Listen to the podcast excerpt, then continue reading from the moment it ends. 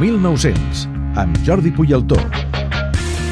Que segur que avui està nerviós perquè és un partit gran a Cornellà del Prat aquest espanyol Madrid. Jordi, bona nit. Molt bona nit. I la, la, la rotonda infernal no l'ha atrapat. No, no m'ha atrapat perquè a dos quarts de set ja estava aquí. Que previsor, tu. Ben com, fet. Com nosaltres. Sí. S'ha de ser previsor, aquesta vida. Escolta'm, Sí. avui no plou, serà una final seca, No, però avui ens vols parlar sí. d'una final de l'aigua, eh? Sí, exacte, la que va succeir el 1929. Eh, en la història han hagut molts, molts partits, gairebé 100 anys de partits entre el- entre l'Espanyol i el Real Madrid, però a mi m'agradaria recuperar aquesta final de l'aigua, que va ser el 1929, que es va, es va dir final de l'aigua perquè va caure un diluvi universal, no?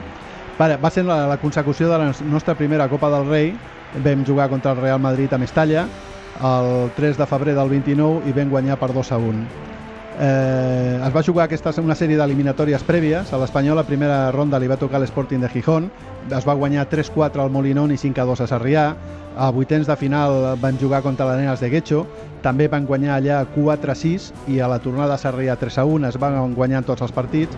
En quarts de final va tocar l'Atlètic de Madrid. A Sarrià li van guanyar 5-1 i, i al camp de l'Atlètic doncs, un contundent 2-4.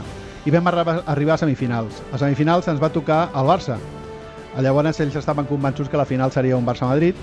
Eh, naturalment no va ser així. Eh, a Sarrià vam guanyar nosaltres per 2 a 0 i a Camp Blaugrana doncs, vam, vam empatar un gol.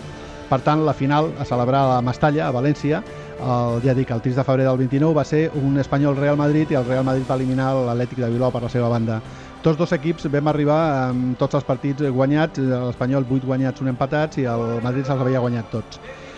Doncs una vegada arribats allà resulta que el partit no es tenia que haver jugat perquè va caure una quantitat d'aigua impressionant però van succeir uns successos polítics a la ciutat de València que havien alterat molts els ànims.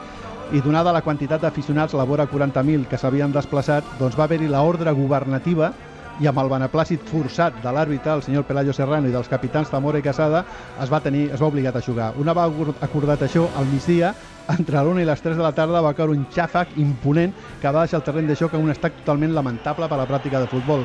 Eh, Era per jugar més a waterpolo que, que, Que futbol. futbol. Sí, tot així eh, van saltar obligats, obligats per ordre governativa a jugar el, el partit.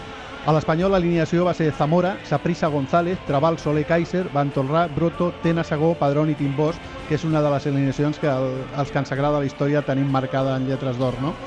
Van haver-hi dos jugadors que, que eren titulars però aquest partit no el van jugar, que era Conrado Portas, que es va lesionar, i Tena primer, que es va liar amb una, amb una baralla amb un tal Samitier del Barça i van ser expulsats, expulsats tots dos i no van poder jugar. Escolta'm, Doncs- i al final va guanyar o no l'Espanyol? L'Espanyol va guanyar per 2 a 1 i va ser la nostra primera copa.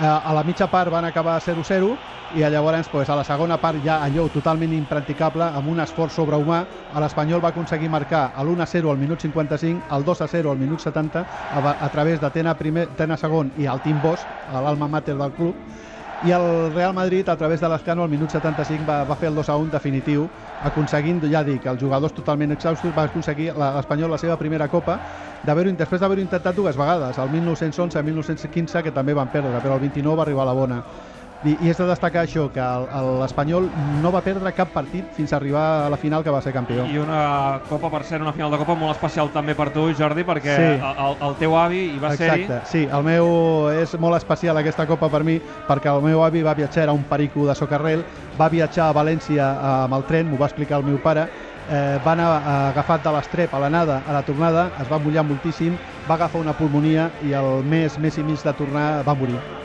Llavors el meu pare m'ho va explicar eh, que el, el meu avi havia mort per anar a veure aquesta final i part de tot recuperar la història és, és això, intentar recuperar tot eh, les fotografies, eh, llibres, revistes que parlessin d'aquesta final i aquesta final sempre estarà gravada a la història de l'Espanyol i a la meva vida.